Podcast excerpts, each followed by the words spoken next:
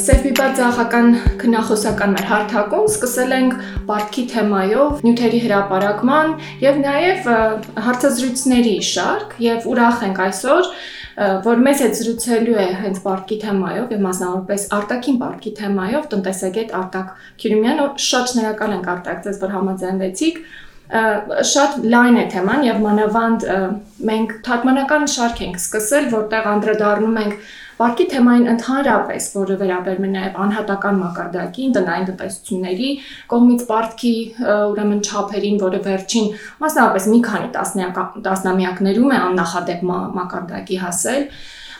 եւ պետական մակարդակով պարտքի ուրեմն խնդրին ենք անդրադառնում տարբեր տեսակի բնդումների ուրեմն հիման վրա տարբեր նյութեր ունենք բայց կուզեինք, որ մի քիչ ամբողջացնենք դրանք Հայաստանի կամ կոնկրետացնենք դրանք Հայաստանի օրինակով։ Արտաքին պարտքը ինչ բան է եւ ինչի համար է ընդհանրապես այն գոյանում եւ մասնավորապես Հայաստանում ինքը երբվանից եւ ինչպես է սկսել գոյանալ Իհարկե մեծ հարց եմ տալիս հաշվի առնելով, որ անկախություն ենք ունեցել 30 տարի, այնտեղ լրիվ ուրիշ իրավիճակ է ստեղծվել, տնտեսական հասարակարգի խնդիր է եղել եւ արժույթների խնդիր եւ այլն, բայց եթե այդ կտրվածքը վերցնենք, ինչի համար ընդհանրապես պետությունը պարտք վերցնում, ինչին պիտի ինքը ծառայի եւ որտեղ ենք դառնում խնդիր։ Շնորհակալություն հրավիրելու համար ցանկացած սուբյեկտ եւ պետությունը եւ անհատը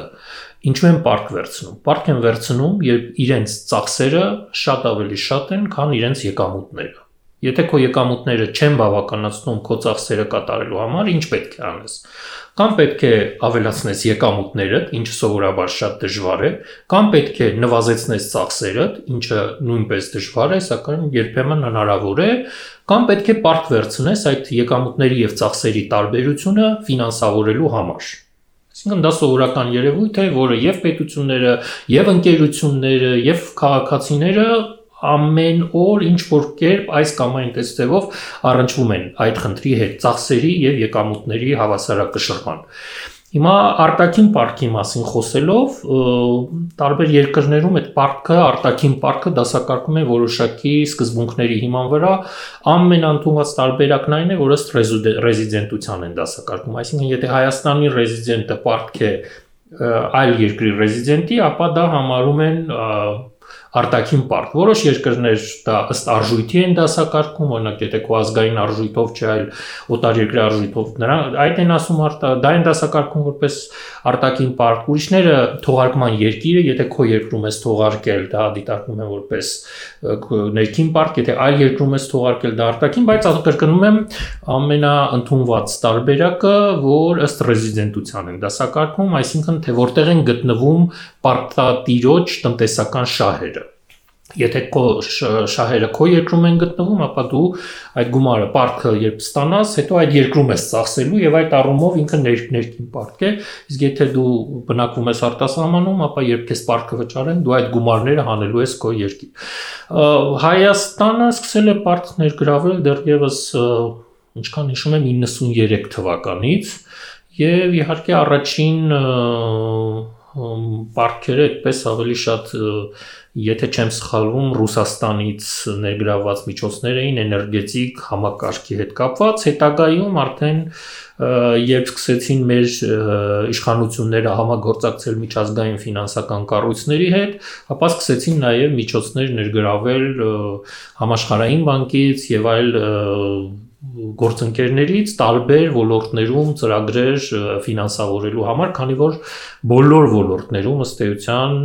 մեծ ներդրումների կարիք կար։ Դրանք անվանվում էին զարգացման ծրագրեր, հա, որոնց համար պարտքեր ներգրավում։ Դե եթե ծրագրերի անունները հիշեք, թեկուզ օրինակ կրթության որակի բարելավման ծրագիր, ես հիմա չեմ հիշում ամենաառաջին կամ ջրամատակարարման համակարգի ինչ որ արդիականացման, բարելավման, բոլորը այդպիսի անվանումներ ունեին։ Խնդիրը նրանում էր, որ սովետական միության գոյության վերջին տարիներին եւ փլուզումից հետո այդ համակարգերի նորոգման, արդիականացման վրա միջոցներ չէին ծախսվել եւ բոլոր այդ համակարգերը շատ վատ վիճակում էին։ եւ ջրամատակարարման համակարգերը, եւ մեր ավտոճանապարհները, եւ մեր կապի համակարգերը բոլորը եւ դրանց համար ֆինանս դրանց բարելավման, արդիականացման, զարգացման համար բոլորի համար միջոցներ էին հարկավոր։ Միջոցները կամ պետք է գան ներդրումների տեսքով, կամ պետք է գա պարտքի տեսքով ուղղակի ամփոփելով այդ արտաքին եւ ներքին պարտքի թվերը ուղղակի ուզում եմ որ հիշեցնել, որովհետեւ ձեռքից տակ է անցյալ ամսվա դրությամբ ուրեմն հետքի հոդվածը, որտեղ գրված է, որ Հայաստանը Հայաստանի պետական պարտքը ընդհանուր առմամբ 2021 թվականի օգոստոսի դրությամբ մոտեցել է 9 միլիարդ ԱՄՆ դոլարի շեմին, որի շրջանակներում կա եւ արտաքին պարտքը եւ ներքին պարտքը, այսինքն պետական արտաքին պարտքը 6 միլիարդ 653 միլիոն դոլար, իսկ պետական ներքին պարտքը 2.3 միլիարդ դոլար Եվ այստեղ նաև խոսվում է շատ կտրուկ թռիչքաձև աճի, բարդքի քանակության թռիչքաձև աճի մասին, որը վերաբերում է եւ ներքին բանկերից, ներքին ռեսուրսներից վերցված բարդքերին եւ արտաքին բարդքերին։ Ճիշտն ասած մի քանի անդրադարձ էի ուզում անել ձեր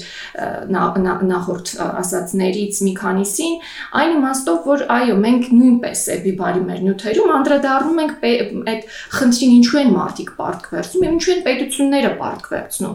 Եվ այսպիսի պնդումներ կան, որոնց որոնք ակնհայտ են նաև Հայաստանի բնակիչների կյանքի օրինակով, որ մարդիկ պարտք են վերցնում այսօր, այս պահին ամենատարրական բազային կարիքները հոգալու համար։ Մարդիկ պարտք են վերցնում երեխային ուսման, համալսարանում կրթություն տալու համար, վիրահատություն անելու համար, ամենատարրական բաների համար մենք անընդհատ պարտք ենք վերցնում եւ ել չասած նրա մասին, որ այդ փոքրիկ բարդքերը, սպառողական կոչված բարդքերը կամ նույնիսկ միկրոբարդքերը, հա, միկրովարկերը ահա որ թանկ են մեր վրա նստում, որովհետև շատ-շատ բարձր տոկոսայնություն ունեն եւ խնդիրը հենց այդով է ինչու պետք է մարդիկ որոնք եւ հարկեր են վճարում եւ այնպիսի երկրում են ապրում որտեղ այնպես չի որ առանց հարկմանը պետական գանձարան գոյություն ունի, որը ի վերջո լցնում են այդ երկրի բնակիչները, չէ։ Հիմա այդ երկրի բնակիչները վճարում են մի կողմից, բայց մյուս կողմից իրենք չեն ստանում պետական այնպիսի ծառայությունների մակարդակ, որը գոյատևման եւ կենսապահովման համար բավարար կլինի։ Նույնը կարելի է ավելի բարձր մակարդակի վրա դա վերցնել, հա, այսինքն պետությունը պարտք է վճարում, որովհետեւ ինքը չի կարողանում ապահովել պետական ծախսերի մակարդակը։ Ինչու ինքը չի կարողանում օրինակ ապահովել, չգիտեմ, կրթության համակարգի ֆինանսավորումը, առողջապահության համակարգի ֆինանսավորումը։ Մենք օրինակ նաև այս 30 տարվա ընթացքում ունեցել ենք ահռելի ռազմական բյուջե եւ անընդհատ աճող ռազմական բյուջե, որը վստահաբար նաև ազդել է մյուս հատվածներից կրճատումներին։ Եվ այս այս տեսակի հարցերը շատ ակտուալ են եւ եթե մենք նաև նայում ենք, ասենք, պետությունը զարգացման ներդրումների համար է պարտվերս։ Ուրեմն պետք է այդ լուրջ հարցը տանք ռոռոկման համակարգի համար։ Ինչքանով է բարելավել Հայաստանում ընդհանրապես գյուղատնտեսության ուրեմն մակարդակը, դա գյուղատնտեսության զարգացմանն էր նպաստում։ Մի կողմից ռոռոկման համակարգի համար վերցնում ենք, մյուս կողմից այդ նույն դաշտերն ու սարերը, որոնք օրինակ արոտներ են եւ որոնց համար մենք վարկեր ենք վերցել, հանձնվում են հանքարդյունաբերություն եւ այլն եւ այլն։ Այսինքն մեծ հարցերի տարապ առաջացավ մոտս, որ մի կողմից հապարտքը վերցնում ենք, մյուս կողմից Խի ենք վերցնում, ոնց ենք վերցել, ոնց են այդ ծրագրերը իրականացվել եւ դրանց արդյունքը չենք տեսնում եւ ելի հետ ամ գալիս են բնդումների շարքին, որոնց թարգմանաբար անդրադարձել ենք, որ Սա ոնց որ մի հատ շրջաբերական ցիկլ լինի, պարտքը, եւ այստեղ շատ մեծ նաեւ շահույթ ունեն գլոբալ հյուսիսի երկրները, որոնք պարտք տվողներն են, որոնք փողը ուրեմն դուրս բերողներն են եւ որոնք ուրեմն պարտքի միջոցով նաեւ լուրջ լծակներ են ձեռք բերում պետությունների վրա։ Հիմա օրինակ մենք ասում ենք պարտքը եւ մասնավորապես արտաքին պարտքը նոր գաղութարարություն է, որ պարտքը, չգիտեմ, շահագործում է եւ նաեւ ինչ որ իմաստով քաղաք քաղաքական նպատակներ ունի, ի վերջո լծակների գործիք է, հնարավորություն է։ Հայաստանում մենք ոնց կարող ենք դա զգալ։ Ասենք օրինակներով ասենք, որ այս պարտքերը ասենք գոյացել են եւ իրանք նոր գաղութային հյուսիսի կողմից պարտադրվող եւ հետ, հետ անընդհատ հաջորդաբար շահագործելու նպատակ ունեն։ Ես հավանաբար վերադառնամ ձեր ասացներից մի փոքր առաջ, որ դուք խոսում եք այս ինչի ենք վերցնում, ինչ հա։ ենք անում եւ այլն, շատ շատ լավ հարց եք տվել։ Եվ դա գալիս է նրանից, որ որպես երկիր մենք ճունենք ռազմավարություն։ Անցյալ տարի, եթե հիշում եք, սեպտեմբերի 21-ին վարչապետը գնաց, չեմ հիշում որտեղ, մի հատ գեղեցիկ պրեզենտացիա արեց 20-50 որը նույնիսկ հայեցակարգ չես կարող կոչել, ուր մնաց ռազմավարություն ասելով, այսինքն մենք որպես երկիր ճունենք ռազմավարական փաստաթուղթ, որտեղ ամփոփված կլինեն այդ տարբեր ոլորտներում՝ կրթության, առողջապահության, պաշտպանության, սոցիալական քաղաքականության ոլորտներում մեր նպատակները, այդ նպատակներին հասնելու համար մեզ ինչ ռեսուրսներ են պետք, այդ ռեսուրսները մենք որտեղից ենք հայթայթելու եւ ինչպես ենք իրականացնելու ստեղծելու այդ ծրագրերը, որովհետև հանրային կառավարման բնակավարում մենք ունենք նաև ծրագրերի ղեկավարներ, project management professionals մենք չունենք ովքեր են կառավարում այդ միջոցները, որոնք հատկացվում են տարբեր ոլորտների զարգացմանը։ Մենք չգիտենք այդ ամեն ինչի մասին։ Բայց չէ որ մշակվում են այդպիսի փաստաթղթեր, որոնք ժամանակին օրինակ համաշխարհային բանկի միջամտությամբ եւ պարտադրությամբ կոչվում էր աղքատության հաղթահարման ռազմավարական ծրագիր, հետո վերանվանվեց 1001-ի զարգացման ծրագիր, ինչ որ տեսակի sense կծկտուր փաստաթղթեր կան, բայց ճիշտ եմ հասկանում, որ դրանք երկրի զարգացման ներդրումային իմաստով պետության ներդրումների եւ զարգացման համար ներդրումների առումով բավարար փաստաթղթեր չեն։ Դրանք, եթե որակյալ փաստաթուղթ են, օրինակ ձեր ասած այդ աղքատության հաղթահարման ռազմավարական ծրագիրը ինքը մինչև 2007-8 թվականները բավական լավ ու ուղղություն տվող փաստաթուղթ էր։ Հետագայում իրեն փոխեցին, դարձրեցին կայուն զարգացման ծրագիր, ինքը արդեն հաստատման պահին զգալիորեն շեղված էր այն նպատակներից, որոնք սահմանում էր, հետագայում էլ դարձրեցին հերանեկարային զարգացման ծրագիր, ելի ավելի շեղվեց, բայց օրինակ եթե նայեք աղքատության հաղթահարման ռազմավարական ծրագիր, հասկանում եք ինքը ոչ մի դեպքում ոչ մեկը չի կարող ընդհանրեն 20 տարով ծրագիր մշակել եւ ճիշտ կատարել այնպես, ինչպես դա ոչ մասնավոր հատվածում կա, ոչ էլ պետական հատվածում, այդպեսի, բայց շատ կարեւոր է, որpիսի ուղղությունը տան բարեփոխումների, թե ուր ենք գնում, այ եւ որpիսի այդ տարբեր ոլորտների ծրագրերը համահունչ լինեն միմյանց հետ եւ նպատակները սահմանված լինեն։ Ու մենք կարողանանք հասկանալ, որ այդ ռեսուրսները, որոնք մենք ներգրավելու ենք, ներդրումների կամ պարտքի տեսքով կամ միգուցե հարկերի տեսքով հասկանանք, որ մեր ռեսուրսները բավական են այդ նպատակներին հասնելու համար։ Այսինքն մենք հստակորեն տեսնում ենք իբրև նաև բնապահպան ակտիվիստներ, մենք տեսնում ենք մի կողմից օրինակ հրճակվում է օրինակ տնտեսական զարգացման համար գյուղատնտեսությունը, չգիտեմ, մանավանդ արտահանման համար անհրաժեշտ որպես ապրանք եւ туриզմ եւ այլն, բայց մյուս կողմից եւ գյուղատնտեսությանը վնասող եւ туриզմին վնասող հանքարդյունաբերական ոլորտն է խթանվում։ Այսինքն ճիշտ եմ հասկանում, որ կարելի է այտենց ամփոփելով ասել, որ չկա այդպիսի բան, որ ռազմավարությունները իրար հետ, իրար մեջ խոսեն եւ եթե ուրեմն չկա, բա ո՞րն է պատճառը, որ չկա։ Հենց ռազմավարությունը չկա ինքը եւ այսօր փաստացի էս Արդեն մի քանի տարի երկիրը ղեկավարում է պրոյեկտների մակարդակում ուղղակի։ Պրոյեկտ այս ոլորտում էսպիսի պրոյեկտ անենք, այն ոլորտում այնպիսի պրոյեկտ անենք եւ թե ինչքանով են դրանք իրար հետ խոսում, ինչքանով են դրանք փոխ լրացնում, այսինքն կա արդյոք սիներգիա այդ ծրագրերի մեջ թե ոչ, մենք չգիտենք։ Դրա համար որտեղից էլ որ կարողանան միջոց ներգրավել, փորձում են ներգրավել ինչ որ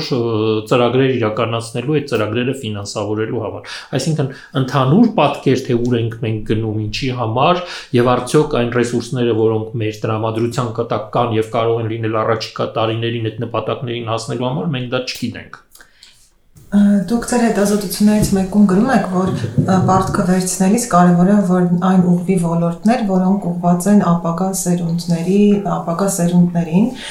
Հետո նայում էի, թե ինչ ոլորտներ են գնացել վերցրած պարտքը, դրա մեջ կային պետական համակարգի բարեփոխումներ, դատական, ոստիկանություն, նաև կրթություն եւ առողջապահություն, որոնք նշված էր, որ նաև ամենակոռումպացված ոլորտներն են։ Մի քիչ եթե կարելի է խոսենք այն մասին, թե որ ոլորտներ են գնացել, արդյոք դրանք ապագա սերունդներին ուղղված ոլորտներն են թե չէ, եթե այո, որ մի մասը ինչ որ համակնում են կարծում եմ, ինչի է ստացվում, որ փոփոխություններ իրականում չեն լինում։ Այստեղ երկու հիմնական խնդիրներից կարելի է սկսել։ Մեկը որ նպատակայնությունն, այսինքն այն միջոցները, որ վերծվում են կոնկրետ նպատակի համար են ծախսում թե ոչ, եւ երկրորդ արդեն դրանից բխող արդյունավետությունը։ Եթե դու նպատակային չես ծախսել, արդյունավետության մասին խոսել ընդհանրապես իմաստ չունի։ Արդյունավետության մասին խոսել իմաստ ունի միայն այն դեպքում, եթե միջոցները նպատակային են ծախսվել։ Հիմա իհարկե այն միջոցները, որոնք ուղղվել են կրթության ոլորտ եւ առողջապահության ոլորտ եւ մնալ, իրենց նպատակը եղել է մեր մարդկային կապիտալը զարգացնել, որpիսի ավելի մրցունակ երիտասարդություն ունենանք աշխատուժի շուկայում։ Բայց գիտենք, որ այդ ոլորտները թաթախված են եղել կոռուպցիայի մեջ, եւ այդ միջոցների մի զգալի մասը նպատակային եւ արդյունավետ չեն ծախսվել։ Եվ այս ժամանակ մասնավորեցվել է կրթական համակարգը, չէ՞, այսինքն այնպես չի, որ այդ կրթական համակարգում համասանական կրթությունը անվճար էր անվճար չէր եւ այստեղ երբ վերադառնում ենք ձեր նախորդ հարցերից մեկին այնտեղ կար նաեւ այդ ինչու չի կարողանում պետությունը կատարել այդ կրթական ծախսերը, առողջապահական ծախսերը։ Տեսեք, պետությունը բավական մեծ ծավալով պարտավորություններ է ստանձնում։ Հետո իր ընտրողների արժե նա ոչ միայն ընտրողների, այլ օրենքներով, տարբեր կառավարության որոշումներով ֆիքսում են, որ օրինակ այս սոցիալական խմբին պետք է բուժենք անվճար կամ այսինչ հիվանդությունը կամ այսինչ հիվանդությունը պետք է բուժեն անվճար կամ այսինչ սոցիալական խումբը բուհում պետք է սովորի անվճար Եվ թե, թե ինչքանով են դա ենթային նպատակային հետո կատարում մի հարց է, բայց նաև ողջվում է, որ այդ պարտավորությունները, որ ստանձնել է պետությունը, դրանք անգլերեն կոչվում են mandatory expenditures, այսինքն դրանք տնանք են, որոնք օրենքով, կառավարության որոշումներով եւ այլ փաստաթղթերով ֆիքսված է, որ այդ սոցիալական խմբին դու պետք է ապահովես հանրային ծառայություններով։ Եվ հետո գալիս է մի պահ, որ քո եկամուտները, ենթադրենք, հազիվ բավականացնում են այդ mandatory ծախսերը կատարելու։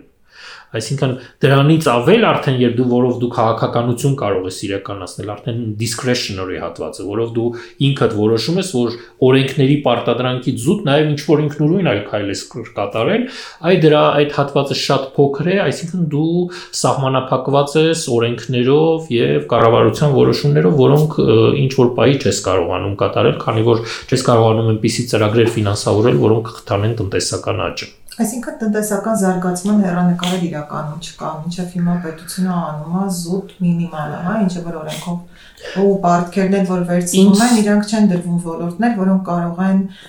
օրինակ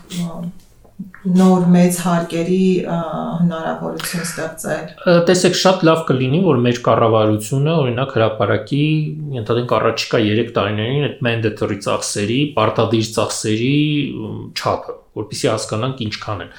Իսկ թե արդյոք օգտագործվում են զարգացման նպատակներով թե ոչ, այս տարվա փետրվարի սկզբին Հայաստանի Հանրապետությունը մեծ ծավալով եվրոբոնդեր թողարկեց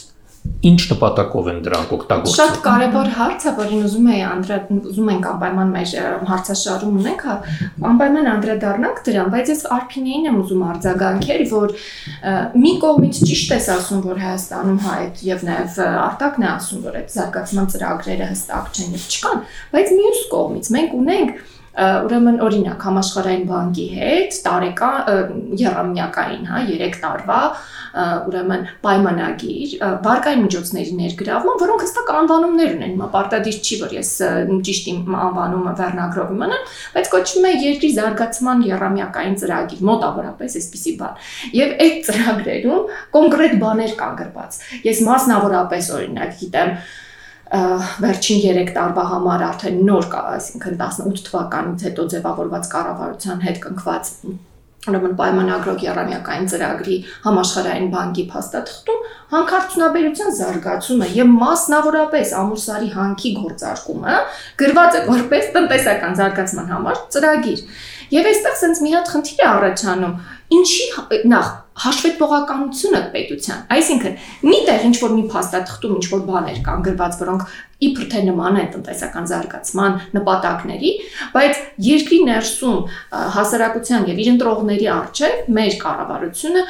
ցույց չի տալիս բավարար հաշվետվողականություն կամ ընդհանրապես ցույց չի տալիս հաշվետվողականություն եւ մենք օրինակ մեր նյութերում գլոբալ մակարդակով այդ քննարկումների եւ քննադատությունների մեջ նաեւ դուրս ենք բերում գլոբալ այդ բանը մեծ խնդրեմը որ թափանցիկություն չկա, հաշվետվողականություն չկա, պարտքը շարունակաբար պետությունների վրա դրվող պարտքը շարունակաբար մեծանում է եւ չի էլ դրվում քննարկման երկրի ժողովրդի պարլամենտների եւ այլնի հետ եւ պարտքը գոյանում է մենք էլ ստիպված պիտի վճարենք Այ ես ինչքան հասկացա դուք հղում եք կատարում այդ երկրի ռազմավարություններին, որոնք այդ միջազգային գործընկերները բոլորը ունեն, համաշխարհային բանկ, ասիական զարգացման բանկ, եվրոպական, իրենք իրենց ռազմավարություններն ունեն, որոնք տվյալ երկրի ուսումնասիրության հիման վրա մշակում են թե առաջիկա հիմնականում 3 տարիներին ինչ ինչպես պետք է շարժվեն։ Բայց ես այնտեղ մի կետում ձեր հետ համաձայն չեմ, որ պարտքը դրվում է ինչ որ մեկի վրա։ Առանց տվյալ երկրի կառավարության համաձայնության ոչ մեկը չի կարող պարտադրել պարտք վերցնել։ Խնդիրը նրանում է, որ մեր տիպի երկրներում, օրինակ մեր երկրում, կառավարությունը ինքը ձգտում է այդպիսի պարտքեր վերցնել առանց այդ պարտքերի ոնց որ նպատակայնությունը եւ այդպիսի խոշորացավալ պրոյեկտներ իրականացնելու կարողությունը գնահատելու առանց ռիսկերը գնահատելու եւ հետագայում դա խնդիր է դառնում Օրինակ ցանկացած գործիք մեր կյանքում կարող է օգտագործվել եւ բարի եւ չար նպատակներով։ Դանակը կարող ենք օգտագործել շատ բարի, կարևոր նպատակներով, բայց իրեն կարելի է նաև չար նպատակով օգտագործել։ Հրթիռը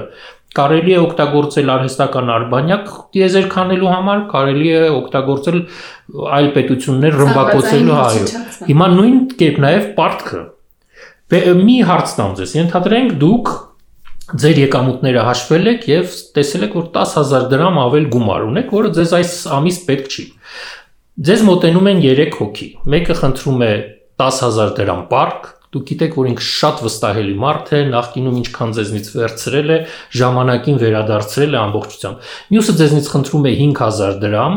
ինքն ինքն էլ խնդրել է, բայց միշտ ուշացրել է, ասել է 2 օրից 2 շաբաթից է վերադարձել, եւ երրորդը խնդրում է ձեզնից 1000 դրամ, բայց ինքը արդեն երկու անգամ ձեզնից 1000 1000 դրամ խնդրել ու չի վերադարձրել։ Հիմա դուք ում կտակ պարտքը։ ես իհարկե կտամ 10000-անոցը վերցնել։ Այսինքն վստահում, որ վստահում եք։ Այո, Արտակ, եւ սրա մասին մենք ունենք մի մեծ շատ հետաքրքիր նյութ, որը խոսում է նրա մասին, որ գլոբալ մակարդակում վերջին առնվազն 15-20 տարիների ընթացքում անհուսալի բարդքերի ահռելի կուտակում է տեղի ունեցել եւ երբ մի կողմից դուք ասում եք պետության վրա չեն պարտադրում դա բայց մյուս կողմից իրականության մեջ ուրեմն որոշակի պարտադրանքներ անշուշտ կան այսինքն այն բոլոր ծրագրերով որոնք որոնց խոշոր վարկային գումարներ են ներգրավել եւ մասնավորապես արտարժույթը որոշակի բալանսի վրա պահելու համար, այսինքն արտարժույթ ունենալու եւ ազգային ուրեմն արժույթ բալանսի վրա պահելու համար դա հիմնական ՄՀ-ից արժույթի միջազգային հիմնադրամից ներգրաված պարտքերն են համաշխարհային բանկից պարտքերը դրանք գալիս են այսպես կոչված structural adjustment program-ներով այսինքն այդ նույն երկրի հետ այդ ռազմաբարությունների հստակ ծրագրերով որտեղ շատ կոնկրետ ֆիսկալ եւ դրամական, դրամավարկային, ուրեմն քաղաքականություններ են պարտադրվում եւ որոնց շրջանակներում նաեւ օրինակ պարտադրվում է ծախսերի կրճատում եւ այլն։ Մինչեւ երևի 2010-ական թվականները Հայաստանը կարողանում էր գravel էժան, այսպես կոչված ցածր տոկոսադրույքներով վարկեր, բայց մենք արդեն հասել ենք պարտատոմսերի եւ վերջին 2 տարում ուղղակի թռիչքային մակարդակի պարտատոմսերի թողարկման, որոնք պարտքի վիճակը շատ ավելի բարթացրել են, այսինքն մի կողմից դրանց տոկոսադրույքներն են շատ ավելի բարձր։ Մյուս կողմից արդեն մենք մի հատ իրավական այնպիսի խայտարակ միջազգային ռեժիմի տակ ենք հայտնվում, որ սա այլևս ոչ համաշխարհային բանկն է, ոչ ասիական զարգացման բանկը, ոչ էլ որևէ օրինակ Ռուսաստանի Դաշնություն պետություն է։ Սրանք արդեն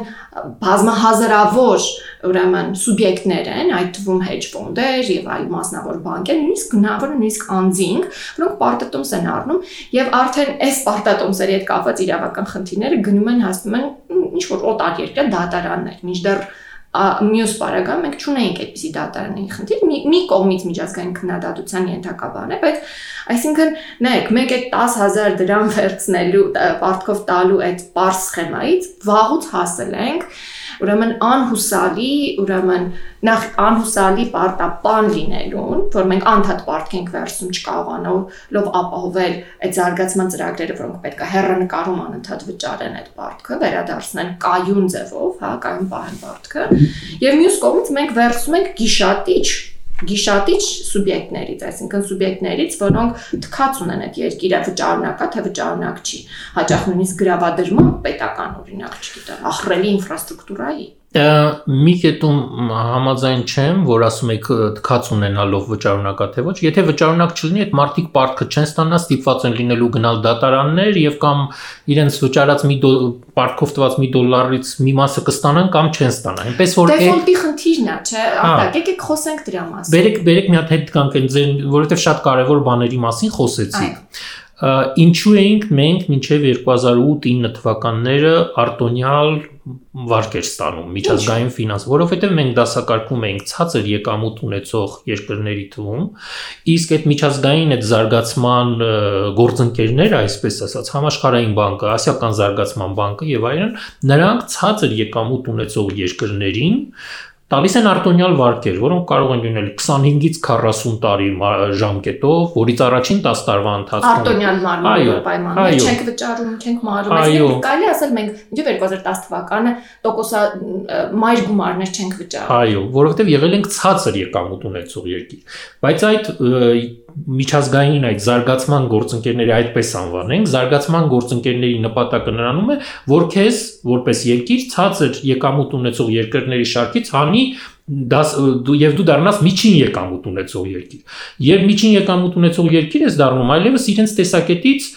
նպատակահարմար իրենց ռեսուրսները սահմանափակ են եւ իրենք դա ուղղելու են ելի մյուս ցածրերին այդ ծանր վիճակից հանել։ Հիմա 2008-9 թվականներին մենք դարձանք միջին եկամուտով երկիր, միջին եկամուտ ունեցող երկիր եւ այլևս այդ միջոցները մեզ հասու չէին արտոնյալ պայմաններով եւ իհարկե մենք դեռևս կարող ենք այդ զարգացման գործընկերներից վարկեր ստանալ, բայց արդեն ոչ արտոնյալ պայմաններում, իսկ նաեւ կարող ենք միջազգային ֆինանսական շուկաներից ստանալ միջոցներ, ներգրավել միջոցներ։ Հիմա ինչու՞մ է խնդիրը, որը սովորաբար եւ կարծեմ ես իմ այդ 16 թվականի հոդվածի մեջ նշել եմ դրա մասին։ Բեռնագիրը կհիշեցնեք պարվերնագիրը ես ինքս չեմ հիշում, բա խնդիրը նրանում է, որ երբ դու նույնիսկ այդ միջազգային գործընկերներից համաշխարհային բանկ, ասիական զարգացման բանկ եւ այլ նրանցից միջոցներ ես ներգրավում, դու ելի նրանց հետ շարունակում ես ծրագիր ունենալ եւ նրանք շարունակում են քեզ տեխնիկական օժանդակություն տրամադրել։ Այսինքն դու ինչ որ պարտավորություններ ես ստանում, ընտանենք կրթության բնակավարում SSM անելու, եթե վարկ առողջապահություն ես, եւ դու գնում ես ֆինանսական շուկայից վերցնում, դու որևէ մեկի առաջ այդպիսի պարտավորություն չես ստանձնում պոտենցիալ ներդրողին ընդհանրապես հետաքրքրում է որ դու ունենաս կայուն մակրոտնտեսական միջավայր, որ քո բյուջեն ունենա եկամուտներ եւ դու լինես վճարունակ։ Թե քո երկրի ներսում դու ինչպիսի քաղաքական իհարկե տեսականորեն ասվում է որ նրանք շատ հետաքրքրված են, որպիսի լինի կայուն քաղաքական միջավայր, տնտեսական զարգացում, որպիսի երկիրը լինի վճարունակ։ Բայց գլոբալ առումով այդ մարտիկ ոչ լծակ ունեն ազդելու քո քաղաքականության վրա ներքին միայն եթե դու չվճարես, քեզ կտանեն դատարան եւ կպահանջեն, որպիսի քո ակտիվները վաճառվի եւ իրենց հատուցվի։ Բայց իրենք օգտվում են ԱՄՀ-ի համապատասխան ուրեմն նյութերից եւ զեկույցներից եւ հիմնականում ԱՄՀ-ն ԱՄՀ-ն շատ ոչ վճռորոշ դեր ունի բոլոր պետությունների, ուրեմն այդ վարկանշային կամ վերլուծական բան, չէ, ասենք ունի այդ debt sustainability analysis, պարտքի կայունության անալիզը, որի հիման վրա այդ կրիտիկորները համարվում է, որ այն այն երկիրը, որը ծրագիր ունի ԱՄՀ-ի հետ ինքը հուսալի քաղաքականություն է վարում։ Այն ու նաև ԱՄՆ-ն տեղեկատվություն է ստանում այդ երկրի տնտեսական քաղաքականության վերաբերյալ եւ հրապարակում է, այնպես որ պոտենցիալ ներդրողը կարող է գնալ եւ ԱՄՆ-ն հուսալի աղբյուր համարելով ստանալ այդ տեղեկատ Դա խնդիրը։ Այդ ա որ միջազգային այս քննադատությունը Դե ասում է տես- ԱՄՆ-ն թերագնահատում է, առաջին հերթին թերագնահատում է պետությունների անվճարունակության եւ ապարքի կանոնության իրավիճակը եւ մյուս կողմից ինքը անընդհատ երաշխավոր է հանդիսանում կարճաժամկետ հրատապ ինջեկշններ այդ ֆինանսական արտարժութային ներարկումներ անելու իմաստով եւ սկսած նույն Արգենտինայի խորքային ճգնաժամից, հա, դրա դրա մասին հիմա չենք խոսի, բայց այդ տեսակի կրեդիտորները ֆինանսական շուկայի, այսինքն hedge ֆոնդերը, կոմերցիոն բանկերը, նույնիսկ այդպիսի խոշոր, հա, միլիարդատերեր, մարդիկ, որոնք ոնց որ ներգրաված են ֆինանսական շուկաներում, արժետոմսերի մակարդակում, իրենք նայում են, որ նույնիսկ եթե երկիրը անվճարունակ է, իրենք գիտեն, որ ԱՄՆ-ն այդ երկրին տալու է, ուրեմն այդ ներարկումը, թեկուզ 3 տարվա ներարկումը եւ իրենք կկարողանան իրենց պարտքը վե- վերցնել։ Եվ երկրորդ ամենամեծ խնդիրը, որ իրենք հույս են դնում, արդեն սկսում են արբիտրաժային համակարգերի միջոցով, այսինքն ներդրողների արբիտրաժային այդ ուրեմն միջազգային խայտարակ համակարգը շահագործելու միջոցով վերցնել, այսինքն իրենք ինչ որ ձով երաշխիքներ են գտնում, որ անվճարունակ ահավոր աղքատ պետություններից միևնույնն է իրենք կկարողանան իրենց ուրեմն գումարները չասած է բազմապատիկ, հարյուրապատիկ տոկոսներով, շահույթով իրենց փողերը հետ վերցնել։ Այն ինչ դուք ասում եք, այո, տեղի ունեցել 90-ականների վերջին հարավ-արևելյան Ասիայի ճգնաժամի ժամանակ եւ դա դրա համար հենց արժույթի միջազգային հիմնադրամը եւ մնացածը շատ խիստ քննադատվել են ինչու մեր այնտեղ հատկապես եթե չեմ սխալվում Կորեայում էր խնդիրը որ Կորեան ընդ որում ոչ պետություն այլ մասնավոր ընկերությունները մեծ պարտքեր ունեին ոչ ռեզիդենտ արտասահմանյան ընկերություններին եւ բանկերին եւ մի վիճակ ստեղծվեց որ իրենք ի վիճակի չէին կատարել իրենց պարտավորությունները այդ դեպքում միջամտեց ԱՄՀ-ն ԱՄՀ-ն վարկ տվեց երկրին երկիրը օգնեց այդ ընկերություններին այդ ընկերությունները դրսի կորպորացիաների նկատմամբ իրենց պարտավորությունները կատարեցին ու երկիրը հայտնվեց ԱՄՀ-ի հանդեպ պարտքի փաստի առաջ այո եւ իսկ ԱՄՀ-ից ոչ միտեղ չես կարող խառնել այո նրան պարտքը միշտ պետք է տաս այո այդպիսի սխեմա եղել է եւ դրա համար ը, քննադատության է արժանացել քննադատներից մեկը օրինակ Ջոզեֆ Ստիգլիցն էր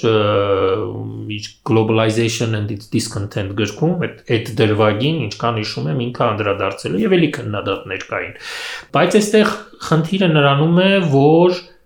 երկրները իրենց քաղաքականությունների արդյունքում են հայտնվում այդ իրավիճակում Ես ինչի ասեցի պարտքը դնելու հետ համաձայն չեմ, որովհետև եթե դու այնպիսի տնտեսական քաղաքականություն վարես, որը որ ճունենաս այդ պարտքային միջոցների կարիքը, ավաղ զարգացող եւ միջին եկամուտ ունեցող երկրների մեծ մասը այդ զարգացման ծրագրերի համար այնուամենայնիվ ունի ինչ որ դրսից միջոցներ ներգրավնվելու անհրաժեշտություն, բայց եթե ճունենաս, դու ուղղակի այդ վիճակում չես հայտնվի։ Բայց եկեք համաձայնվենք, կո- կոռուպցիան ինքը միակողմանի երևույթ չի, ինքը միշտ ունի հարաբերություն երկու կողմերի հետ։ Այսինքն, մի անգամ ապացուցվեց, որ պետությունը օրինակ կոռումպացված է եւ նպատակային չի օգտագործում, եւ նույնիսկ այդ պայմանագրերում դրանք հստակ արձանագրված են, այդ չասած, որ իրենք ախրելի կոնսուլտանտներին փողեր են տալիս, որ գնահատումներ անեն ծրագրի եւ այլն եւ այլն։ Եվ պարզվեց, որ դա, ասենք, յուրացվել են, փոշիացվել են միջոցներ եւ այլն եւ այլն։ Երկրորդ անգամ չի տա, բայց տալիս է եւ շարունակաբար էլի է տալիս։ Միջազգային հետազոտություններն են Հայաստանը դրել մանրադիտակի տակ եւ ը, մասնավորապես 20 թվականին համաշխարհային բանկի փորձագետների հիշում եք 3 սկանդինավյան փորձագետների հետազոտություններ 22 երկրների մեջ նաեւ Հայաստանն էր, որը ցույց էր տալիս, որ 90-ականներից վերցված բարդքի ուրեմն զգալի տոկոս 5-ից մինչև 15% տարբեր երկրների պարագայում այդ վարկային միջոցների այդքան տոկոսը պատկերացնեք երկրից ուղակի արտահոսել է։ Այդ օֆշորային եւ շատ հստակորեն իրենք պնդում էին եւ այսինքն կարողանում էին ապացուցել, որ դա ապօրինի արտահոսքի մասին է խոսքը եւ որ դա միմիայն պայմանավորված էր երկիր մտած միջազգային ուրեմն այդ ֆինանսական միջոցների հետ, այսինքն այդտեղ ուրիշ տեսակի միջոցներ չէին։ Այդ մարդիկ այդ տեսակի հետազոտությունները գոյություն ունեն եւ օրինակ կարելի է շատ հստակորեն պնդել, որ մի մասը այդ միջոցների, որ մինչև հիմա մեր համար, մեր սերունդի եւ միգուցե իմ երեխաների սերունդի համար պարտք է մնալու, դա ոչ լեգիտիմ պարտք է, որովհետեւ այդ պարտքը յուրացվել է գնացել է օֆշոր հարուստների օլիգարխների համար։ Այո, դա կոչվում է Audio Spark։ Այո։ Եվ եթե հնարավոր լինի դա ապացուցել, սովորաբար երկրները կարողանում են նաև Որտեղ ապացուցենք, երկիրը դեֆոլտի ուզում գնա, եւ այդ դեֆոլտի ժամանակ ուզում է նաև ապացուցի, որ ինքը ոչ լեգիտիմ պարտք ունի, ներվի է այդ պարտքը եւ այն կառավար նախորդ կառավարությունները ընդունեն, կոռումպացված կառավարությունները եւ միջազգային հաստատությունների աչքերը փակող եւ հավասարապես կոռումպացված чиновниկները պիտի ուրեմն պատասխան տան դրա համար, ուրեմն պարտքը պիտի ներվի, որտեղ մենք դա անենք։ Նախ մեր երկրի ներսում մենք դա պետք է ապացուցենք ու այն чиновниկները, որ մեր երկրում են կատարել ներգրաված լինել կոռուպցիայի մեջ, Նախ դա պետք է ապացուցվի եւ պատժվեն։ Մենք չենք կարող գնալ միջազգային ատյաններ եւ ասել մեր չինովնիկները կոռումպացված են եղել, դրա համար մեզ ներեք պարկի, նա։ Այս ուղղակի կարծեն իսկ ուր են այդ կոռումպացված չինովնիկները։ Լավ, ասենք թե գտանք, բայց ոնց ենք գնում միջազգային ատյաններ։ Դա արդեն հավանաբար իրավաբանների հետ պետք է խորհրդակցել, բայց դրա մեխանիզմները կան, այդ օդիոս պարկի հասկացությունը կա, որ երբ ոչ ժողովրդավարական ռեժիմները ներ պարկեր են ներգրավում եւ օգտագործում են ոչ նպատակային, ոչ Հիմա մենք ունենք այդ իրավիճակը։ Դե օդիոս պարտ ունի։ Դե պետք է աշխատել, այսպես չեն կարող պնդել, պետք է աշխատել, այդ ձեր ասած այդ հրաապարակումը ես շատ լավ հիշում եմ, դա 19 թվականի վերջիներ ինչքան հիշում եմ, որ Հայաստանը այն երկրներից մեկն էր, որտեղ հստակ միտում էր նկատվել, որ վարկերը ստանալուց որոշ ժամանակ հետո դրանց մի մասը արտահոսել էր օֆշորային հաշիվների վրա այսինքն համաշխարհային բանկը ինքը արդեն տեղյակ է իր իսկ հրապարակումով նման դեպքի մասին բայց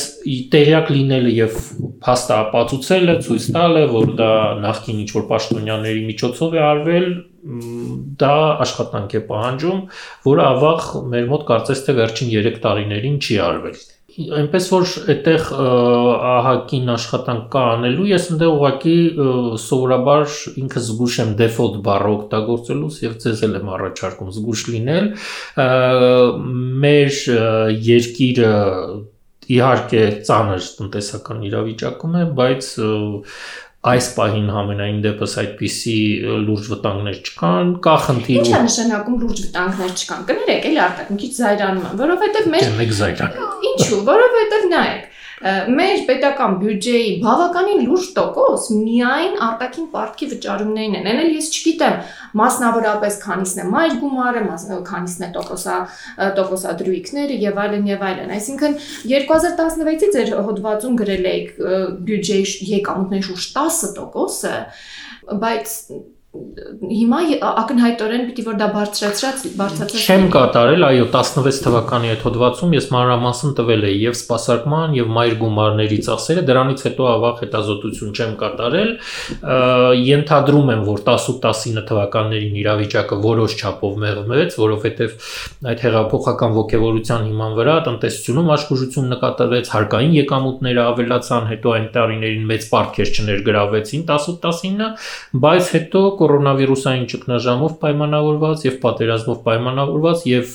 բյուջեի եկամուտների վրա ազդեցություն ունեցան այդ բոլոր իրադարձությունները, ինչպես նաեւ ասեցի, որ տարվա սկզբին բավական մեծ ծավալով եվրոբոնդեր են ներգրավել, այսինքն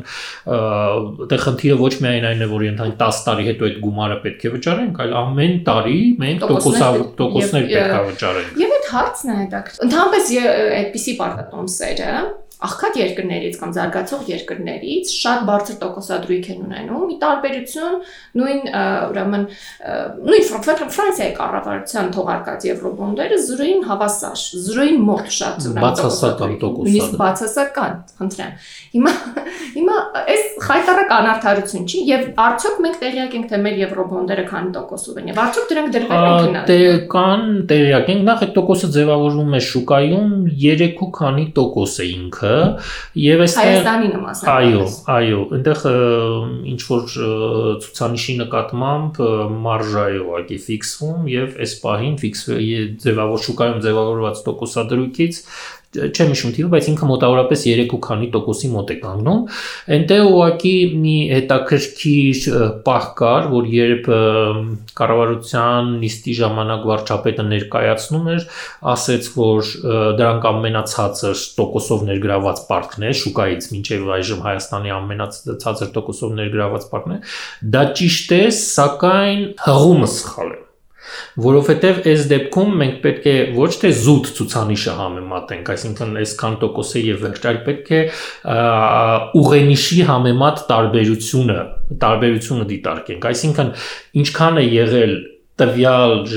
ժամանակահատվածում նախկինում 10 տարանոց ամերիկյան պարտատոմսի եկամտաբերությունը եւ ինչքանով է մեր պարտատոմսի եկամտաբերությունը բարձր եղել ամերիկյանից եւ ինչքանով էր այս վերջին թողարկման պահին ամերիկյան 10 տարանոց պարտատոմսերի եկամտաբերությունը եւ մերը։ Եվ եթե այդպես նայեք, ապա կտեսնեք, որ մեր պարտատոմսերի եկամտաբերությունը այդ ուղենիշի համեմատ մի փոքր բարձրացել է, այսինքն շուկան շուկայում տոկոսադրույքներն ավելի շատ են իջել, քան Հայաստանի պարտատոմսերի տոկոսադրույքը, այսինքն մեր ռիսկը շուկան Այո, շուկան մի քիչ ավելի ռիսկային է մեզ դիտարկում, քան մի քանի տարի առաջ չէր։ Այլապես այդ